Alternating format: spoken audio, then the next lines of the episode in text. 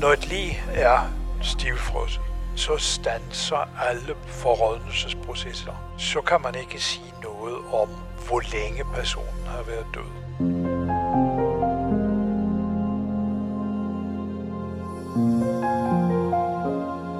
Et lokumskur, en trillebør og så lidt blod, at det i første omgang blev overset. Det er nogle af de detaljer, du kommer til at høre om i denne udgave af Danske Drabsager. Vi hører om kriminalteknikernes møjsommelige arbejde i og omkring et skur, hvor et stivfrossent lig var blevet fundet. Om retsmedicinernes opgave med først at tøge livet op, og senere finde frem til dødsmåde og dødsårsag. Efterforskernes teorier om, hvem der kunne stå bag, og hvorfor han skulle dø. Og ikke mindst at finde frem til identiteten på manden, som ingen havde meldt savnet. Til at fortælle om sagen i denne episode har jeg talt med tidligere drabschef ved rejseholdet, Bent Især Nielsen, kriminaltekniker Bent Hytholm Jensen, professor i retsmedicin Hans Peter Hågen og anklager Anne Begitte Styrup. Mit navn er Stine Bolter. Velkommen til podcasten Danske Drabsager, fortalt af de fagfolk, der har været helt tæt på. Sneen knirker under fødderne, da et ungt par nærmer sig huset. Det er et kolonihavehus, og det er til salg. Og de går en tur rundt om huset og kigger nysgerrigt ind. Der er ingen. Det er der aldrig om vinteren, hvor der er slukket for el, vand og varme. En pludselig indskydelse får kvinden til at vende sig mod et skur i haven. Hun går gennem den nyfaldende sne derhen. I det hun hiver døren op, falder en stivfrossen krop ud og lander i sneen. Det er en mand. Hans ansigt og tøj er smurt ind i blod. Der er ingen tvivl. Han er blevet stukket ihjel med en kniv. I februar måned 1999 handlede nyhederne i Danmark om et tyveri af et kunstværk fra Nivågård-samlingen i Nordsjælland, at Danmark snart skulle have sin første satellit ud i rummet, og at der netop havde været kulderekord med en nat på hele minus 18,5 grader i vores land. Og netop kulden og sneen var en væsentlig faktor i den sag, vi ser nærmere på i dag. Tidligere drabschef ved rejseholdet Bent Især Nielsen fortæller om sagen, som han aldrig glemmer. Det var bidende koldt en øh, februardag, starten af februar 1999. Og vi er på Midtjylland, vi er i Ringsted, ved daværende Ringsted politi, og vi er i en lille haveforening, lidt i udkanten af Ringsted. Det er jo sådan en havefin, hvor der ikke er vand og el, så de siger, der er jo ikke nogen, der bor der om øh, sådan permanent om vinteren. Øh, et et hus er til salg, og har været det et stykke tid, og så er der nogle mennesker, der vil bare gå ud og se området, og finder så det her hus, og går rundt og kigger der. Det knirker under dem med sne og frost og is, der ligger rigtig, rigtig koldt. Det har været rigtig koldt i lang tid i Danmark. De har ikke lavet nogen aftale med nogen ejendomsmænd, de bare lige se huset gå rundt på grunden, og ser, så der ligger sådan et, et toiletskur. Jeg husker Ekstrabladet på deres forside skrev, at det var et lokumskur, og det er vel også rigtigt, et gammeldags lokumskur. Og da de åbner døren der, så falder der et stivfrosset lig ud. Og det var starten på den sag. Ringsted politi blev tilkaldt, og politihundet blev sendt ud for at søge efter spor i sneen. Man fik sat de indledende ting i gang, men liget var fuldstændig dybfrossen. Men man kunne se, at der var noget, der tydede på knivstik. Der var altså nogen øh, sår. Man kunne også se, at der var øh, nogle stik igennem øh, tøjet. Livet var påklædt. Man havde ikke lige umiddelbart nogle identifikationsmuligheder, så det var sådan set et, et ukendt øh, menneske. Det havde jo ligget der et stykke tid, og man havde ikke lige, som jo altid vil være noget af det, man først begyndte at kigge på, Hvem savner man? Har man en efterlyst person, en forsvundet person, som kan matche udseendet af den her mand? Man kunne se, det var en mand, måske med et lidt sydlandsk, øh, udenlandsk øh, udseende, men ingen efterlysning igen. Ingenting, der tyder på, der var ikke nogen, der åbenbart savnede det her menneske. Og så er det jo altid både trist og lidt af et mysterium. Når man i en efterforskning står med et lig, som er dybfrossent, så er det nogle helt særlige skridt, der skal foretages. Det ved de på Retsmedicinsk Institut, og her har retsmediciner Hans Peter Hågen arbejdet stort set hele sin karriere. Opgaven for retsmedicinerne var at finde ud af dels dødsårsagen og dels dødsmåden. Når der kommer et frossent lig, så skal vi jo have det optøvet, inden vi kan foretage obduktionen. Og der er det vigtigt, at man ikke placerer lige et, et meget varmt sted for at få det hurtigt opvarmet. For då så kan man risikere, at optøningen bliver for forskellig. Det vil sige, at de indre dele af lige vil stadigvæk være frossen, mens, de, mens på overfladen vil lige måske begynde at blive ødelagt af øh, varmepåvirkningen, det vil sige begyndende forrådnelse. Så derfor så bliver lige placeret enten i et kølerum, så det går meget langsomt, eller hvis politi simpelthen ikke har tid til at vente på det her, så i rumtemperatur, men ikke høj rumtemperatur, men i den lave ende. Så det vil altid gå nogle dage, før lige er tøet så meget op, at man kan begynde med obduktionen. Obduktionen viste, at øh, afdøde var blevet stukket talrige gange med et skarpt instrument, formentlig en kniv. Når et lig er stivfrosset, altså dybfrosset, så kan man ikke sige noget om, hvor længe personen har været død. Fordi i og med, at man er nedfrosset, jamen så stanser alle processer. Og i de her tilfælde, altså forrådnelsesprocesser, de er jo sat i stå, så længe man er frosset ned. Det er jo derfor, vi i husholdningen har dybfryser, hvor man kan opbevare kød, grøntsager og bær igennem længere tid. Retsmediciner Hans Peter Hågen og hans kollegaer måtte altså bede drabschef Bent Isa Nielsen og hans medarbejdere om at have lidt mere tålmodighed. Livet skulle have tid til at tø op ordentligt. Det var i min periode som drabschef, og jeg blev kontaktet, og vi gav assistance i rejseholdet, og jeg var selv efterforskningsleder på den her sag, sammen med en række dygtige kolleger. Så vi lavede det der traditionelle et efterforskningshold med mig som leder, og så to mands par, der blev dannet af en rejseholdsmand og en lokalmand, altså en ringsted kollega. Så vi gik stille og roligt i gang. Men som sagt var der i starten jo ingen, der kendte, der, der manglede sådan en mand. Men på et eller andet tidspunkt, på grund af nogle identifikationspapirer, puskort og noget lide her på sig, så fandt man ud af den formodede person, hvem det var. Altså, og det var en mand af tyrkisk herkomst. Han blev identificeret også som en, der var kendt i sådan et misbrugsmiljø. Han var en slags hjemløs, havde været indlagt på i psykiatrien et par gange, og der var også lidt med, med misbrug og sådan noget. Men man fandt ud af, at det var ham. Ikke nogen fast bopæl. Men det store spørgsmål, hvordan Søren var han havnet i toiletskur, død øh, med knivstik i en haveforening i Ringsted. Kriminalteknikerne blev sendt afsted til Ringsted, hvor melding var, at der var fundet en død mand i et skur. Bent Hytholm Jensen var ansat i kriminalteknisk afdeling på det tidspunkt, men det var nogle af hans kollegaer, der blev sendt afsted.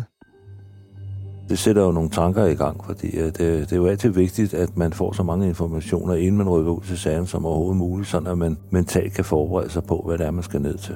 Øh, men øh, der er jo blevet sendt nogle teknikere derned, øh, og deres opgave er selvfølgelig at dokumentere, hvad der er sket dernede.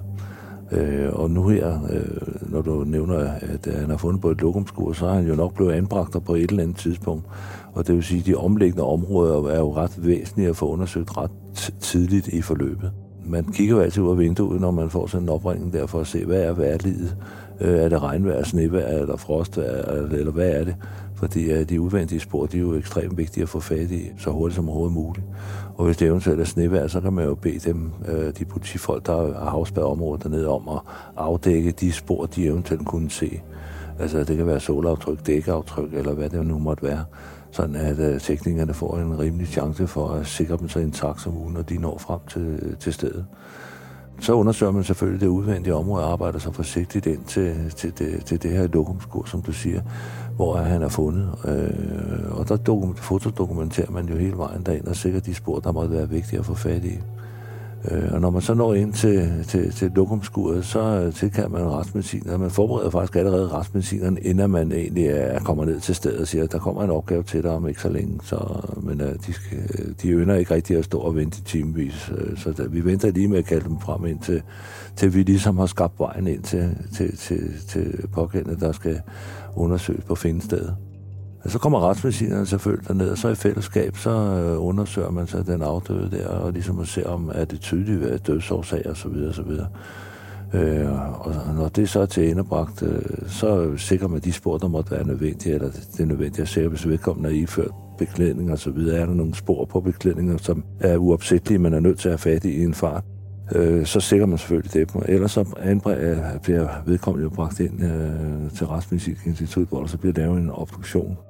Så kører der nogle teknikere ud på Retsmedicinsk Institut og deltager i obduktionen, hvor de dels foretager fotodokumentation, hvis vedkommende er iført på beklædning der, jamen det er klart, så fotograferer man livet med beklædning på. Og så efterfølgende, så bliver livet afklædt, og, og så følger man de direktiver, som retsmedicin, eller han påpeger, hvilke fotos han ønsker til sin obduktionserklæring. Øh, og så undersøger man i fællesskab der, og, øh, og finder ud af, hvad er dødsårsag og så videre.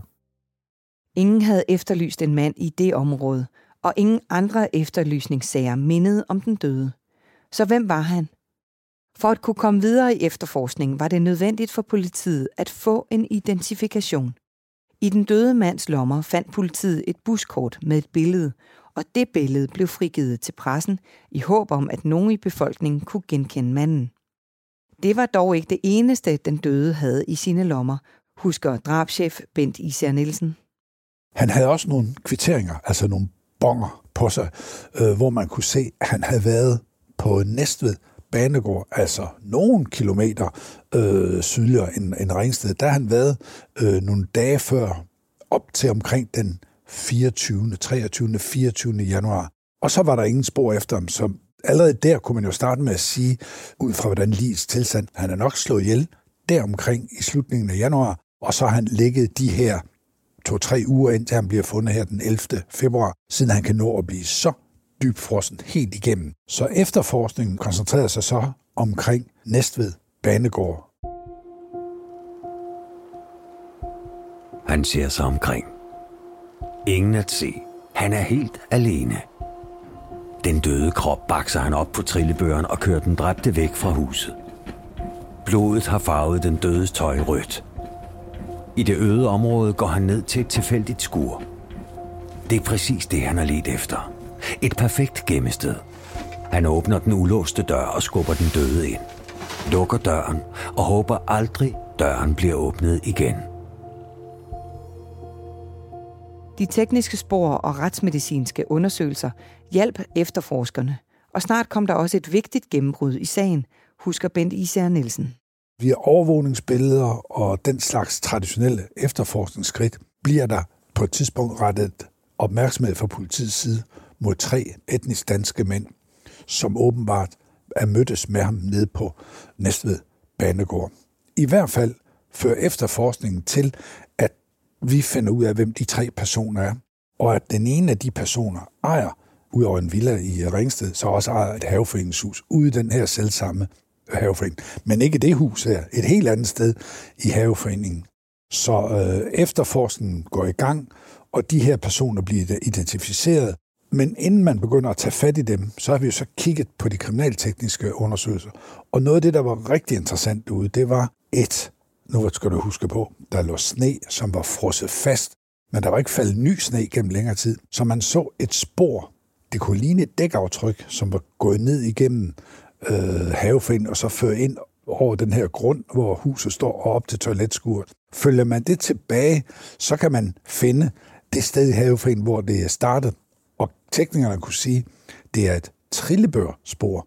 Det er den eneste sag, jeg nogensinde har haft, hvor det er et spor fra en trillebør, som bliver afgørende. Jeg prøvede med biler, med knallerter og alle mulige andre aftryk, men et dækaftryk fra en trillebør, det har aldrig øh, indgået. Man kan også se, at en øh, præsending, som vi fandt ud til, var fjernet fra en anden kolonihave, en anden haveforeningshus, var også blevet brugt formentlig til at omvikle øh, livet. Så alt i alt opstår der en hypotese, en arbejdshypotese, og dem skal man altid være varsomme med, at drabet er nok sket ude i den her kolonihave, men et andet sted. Livet er transporteret omviklet af en præsending, som er stjålet i en helt anden øh, haveforening, hvor det var forsvundet fra omviklet, lagt i en trillebør, kørt på en trillebør ned igennem havefrien og anbragt i skuret. Så der var rigtig meget, der tyder på, det har altså noget med den her havefrien at gøre. Fordi sidst set i live, den her hjemløse tyrk, Næstved Banegård, og nu pludselig liggende derude, jeg mener, han er jo ikke dumpet ned fra himlen. Vi skal jo finde en sandsynlig rækkefølge. På et tidspunkt kommer der også nogle fiduser, som vi kalder det, anonyme henvendelser, også navngivende henvendelser om, at vi skulle nok kigge nærmere på nogle bestemte øh, mænd. Og den kobling bliver så lavet, at de her tre mænd, som vi kan identificere, der har været på banegården i Næstved på samme tidspunkt som den hjemløse tyrk, og hvor en af de mænd, den ældste af de tre mænd, havde et øh, kolonihavehus i samme haveforening. Det gjorde selvfølgelig, at efterforskningen blev, blev rettet mod de tre. Nogle gange skal der jo tages nogle chancer, nogle risici, og man må melde ud, hvad man gør. Vi valgte at sige, at der er nok til her, at vi kan rejse en sigtelse.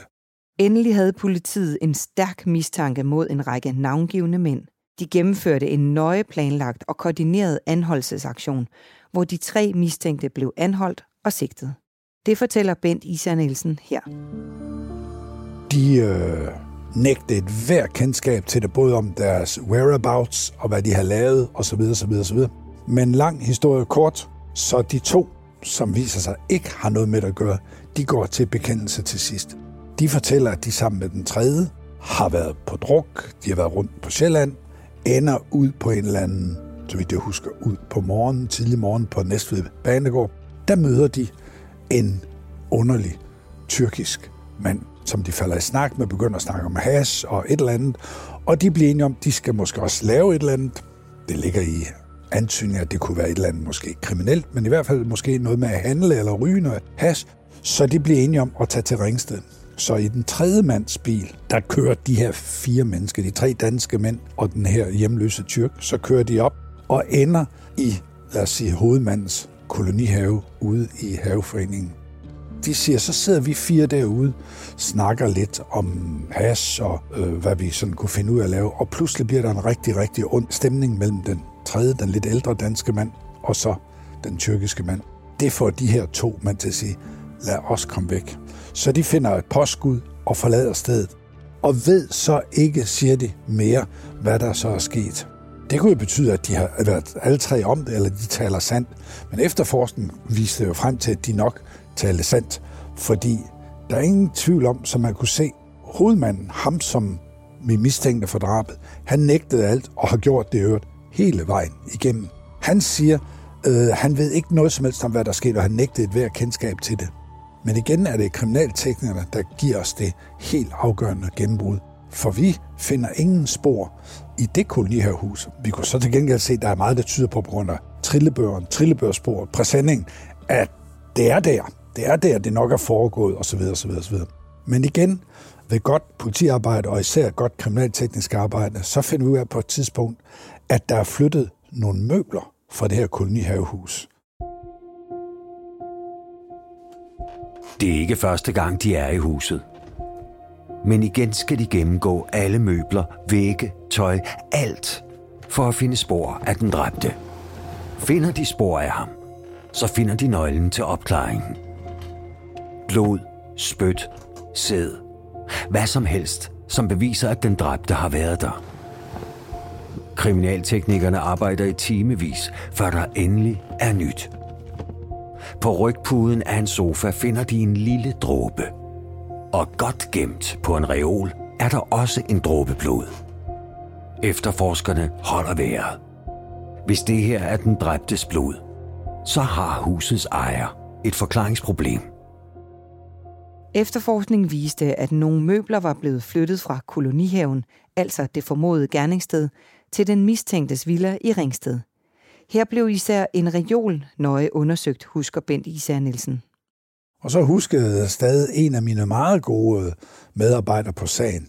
Og i sådan en sag, der deler vi altid folk op med forskellige ansvarsområder. Nogen skal tage vidnerne, nogen med de mistænkte, nogen skal stå for samarbejdet med kriminalteknikerne og med retsmediciner. Og ham her, min gode medarbejder der, han var den, der var udset til at stå for samarbejdet med kriminalteknikerne. Så han fik dem i overtalt til, at han siger, at det er altså rigtig, rigtig vigtigt. I fandt godt nok ikke noget, men skulle vi ikke lige prøve at give det en chance med?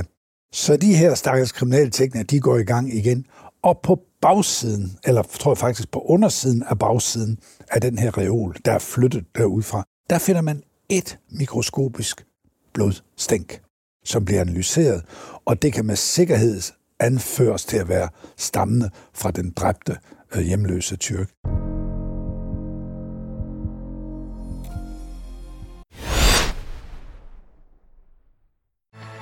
Hej Danmark, Patrik på Gekkas Ullared her. Hvornår har du planlagt din næste tur til Skandinaviens største varehus? På GK's i Ullared kan du shoppe og overnatte til fantastisk lave priser. Hvornår kommer du? Shoppa, bo och umgås på Gekås Ullared. Ej, det er så spændende. Jeg tror aldrig, jeg har haft den her følelse før i kroppen. Bachelorette er tilbage. Jeg går helt i panik. Jeg kan ikke sige det navn, som skal have min sidste rose. Ja, men det er dit værd. Ikke også? Bachelorette lige nu på TV2 Play. Jeg kommer bare til at nyde hvert sekund af det.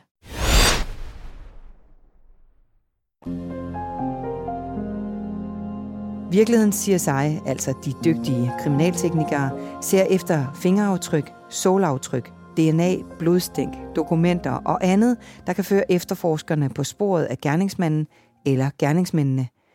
En af dem, der er ekspert i den slags, er kriminaltekniker Bent Hytholm Jensen. Hvordan finder man sådan nogle bitte små blodaftryk? Ja, man bruger øjnene i første omgang, øh, men øh, man kan også bruge lys. Øh, man kan bruge noget, der hedder luminol, øh, hvis man for eksempel forsøger at af, afvaske øh, blodspor, for eksempel. Så bruger man, sprøjter man noget væske på, der hedder luminol. Det er noget, der går i forbindelse med, med, med jernet i blodet. Og så øh, skal der være mørklagt lokale, og så øh, når man så sprøjter det her væske på her, så fluorescerer det. Og det vil sige, at det kan blive sådan en helt lyshav nærmest, hvis der er rigtig meget af det selvfølgelig, men det kan også være ganske lidt. Men der er så også en risiko for, at der er noget kemikalier, vaskepulver og den slags ting, der giver noget fejlreaktion. Så man skal under alle omstændigheder teste for at se, om, om, der, om det reagerer som på blod. Øh, og så er det retsgenetikerne, der skal afgøre, om det er tale om blod. Så må man jo selvfølgelig sikre så meget, man kan ude på stedet og sende det ud. Og så skal de så analysere for at se, om der er tale om, om, om menneskeblod. Og, og hvis der er tilstrækkeligt meget, kan de jo så lave DNA-profil på det. Hvordan undersøger I sådan en lille blodplet? Jamen, øh, det gør man simpelthen bare ved, at øh, hvis man kan konstatere, at der er sådan en blodplet, jamen så ude i yderkanten af, af blodpletten, der tester man så lige for at se, om der kommer en reaktion som for blod, og så skærer man simpelthen øh, området ud, sådan at retsgenetikerne de får det øh, optimale materiale, sådan at de har så meget som muligt at arbejde med, selvom det er en lille bitte plet, så, så skærer man det simpelthen ud. Det var et godt gennembrud for både de lokale efterforskere og drabschef Bent Nielsen og resten af rejseholdet. En lille ting, men en fantastisk indicium i en sag. Fordi det er jo det, indicier gør, bygge en sum op, så man siger, hvad skulle ellers være forklaring? Så alt taget i betragtning, at de kører derfra, de er set på Næstved, vi kan lægge dem fast op, de to andre unges forklaringer, de tekniske spor, trillebøgerspor, hår, der var faktisk nogle sorte hår fra, fra den dræbte person i øh, præsendingen, plus det formodede gernested, hvor vi så finder et biologisk 100% spor for den dræbte, som kan lægges ind på gernested. Alt det gjorde, at det var ubetænkeligt for anklagemyndigheden at rejse tiltale. Da der var blevet rejst tiltale, blev sagen berammet og skulle køre som en nævningesag i Østerlandsrets 14. afdeling i København. Den tiltalte nægtede sig skyldig og nægtede overhovedet at kende til den dræbte, men alligevel blev han idømt 12 års fængsel den 14. januar 2000. Anklager Anne Birgitte Styrup havde ikke selv sagen, men hun kender til den fra medierne og kollegaer. I sagen her, der tyder det jo på, at de her på en eller anden måde er kommet op og skændes, og den ene slår den anden ihjel. Kan du sige noget om, at hvorfor det så giver 12 år? Altså hvis vi nu øh, lægger bandekriminalitet til side, så kan man sige, at langt de fleste drab er mænd, der dræber kvinder. De dræber typisk jo øh, deres koner eller kærester, typisk i forbindelse med, at, at hun siger, nu gider jeg ikke med. Så er der også dem, der dræber dem, fordi det er billigere end en skilsmisse. Men typisk er det det andet. Så er der den sidste, de sidste kategorier af drab, der er tilbage.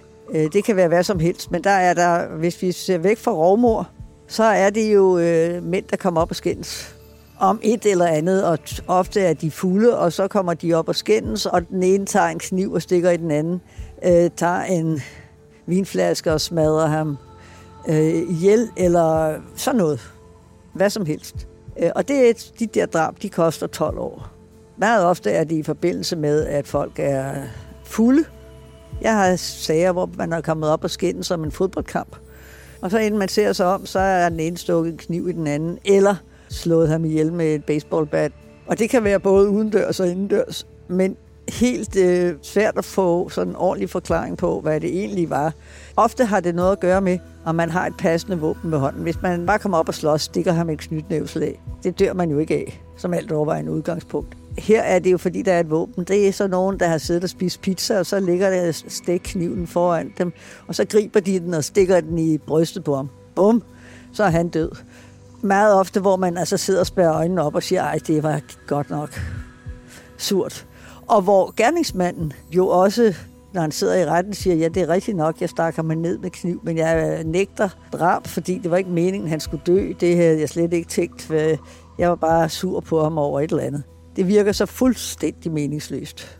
Og det er meget ofte noget at gøre med, at man har, der er et eller andet ved hånden, som hvis man skulle have rejst sig og gå ud i køkkenet for at hætte kniven, så tror jeg, man var kommet fra det undervejs. Så det er sådan set bare så trist. For drabschef Bent Især Nielsen blev det en sag, han aldrig glemmer. Et egentligt og klart motiv fandt man aldrig. Det havde noget med has at gøre. Den dømte øh, mand var kendt for at have noget med hashandel at gøre. Så øh, vi tror, at det har et eller andet med det at gøre. Om det var en aftale om noget hashandel, der gik galt, eller det var almindelig uvenskab, fordi der var også mange indikationer på, at den her dræbte hjemløse tyrk kunne godt være meget ubehagelig, især når han var påvirket, sammenholdt med de to yngre danske mænds forklaring om, at der var en meget ubehagelig stemning, og at også der var en kniv på bordet. Men det klokkeklare motiv, det er vi aldrig etableret. Og der er jo ofte, man hører ofte folk at sige, at det er et krav. Hvis man skal have folk dømt, så skal man etablere et motiv. Men det er altså ikke nødvendigt. Det er klart, at motivet er altid for politiet vigtigt, fordi det kan føre til opklaring. Gerningsmand, hvem har motivet? Så det der, man siger også i en krimi, altså der skal, man skal have lejlighed og mulighed og motiv. Ja, det vil være rart, men det er ikke altid, man finder det. I hvert fald ikke motivet. Jeg har selv haft andre sager, og kender til mange flere sådan fra, fra medierne, også hvor der falder store domme til nogen, som bliver dømt uden nogen tvivl om, at det er gerningsmænd, men hvor man bare ikke kan fastlægge motivet, fordi ingen vil fortælle det, og man ikke har kunne konstatere det. Så det er altså ikke nødvendigt for at få folk dømt for drab i Danmark.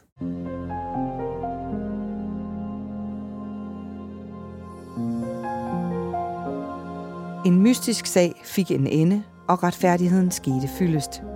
Selvom gerningsmanden i lang tid må have troet, at han havde begået det perfekte drab, så indhentede fortiden ham til sidst. Tak til tidligere drabschef ved rejseholdet Bent Især Nielsen, retsmediciner Hans Peter Hågen, anklager Anne Birgitte Styrup og kriminaltekniker Bent Hytholm Jensen for jeres fortælling. Du kan også møde flere af os, når vi kommer rundt i landet med foredraget En aften med eksperterne fra podcasten Danske Drabsager – Find dine billetter på ticketmaster.dk. Søg på Danske Drabsager. Abonner også gerne på vores podcastserie, så er du sikker på at være blandt de første, der hører, når de nye afsnit bliver offentliggjort. Speaks var indtalt af Henrik Forsum. Musik er potmusik.dk. Klippet af Rasmus Svinger og produceret af Bauer Media og True Crime Agency. Mit navn er Stine Bolter. Tak fordi du lyttede med.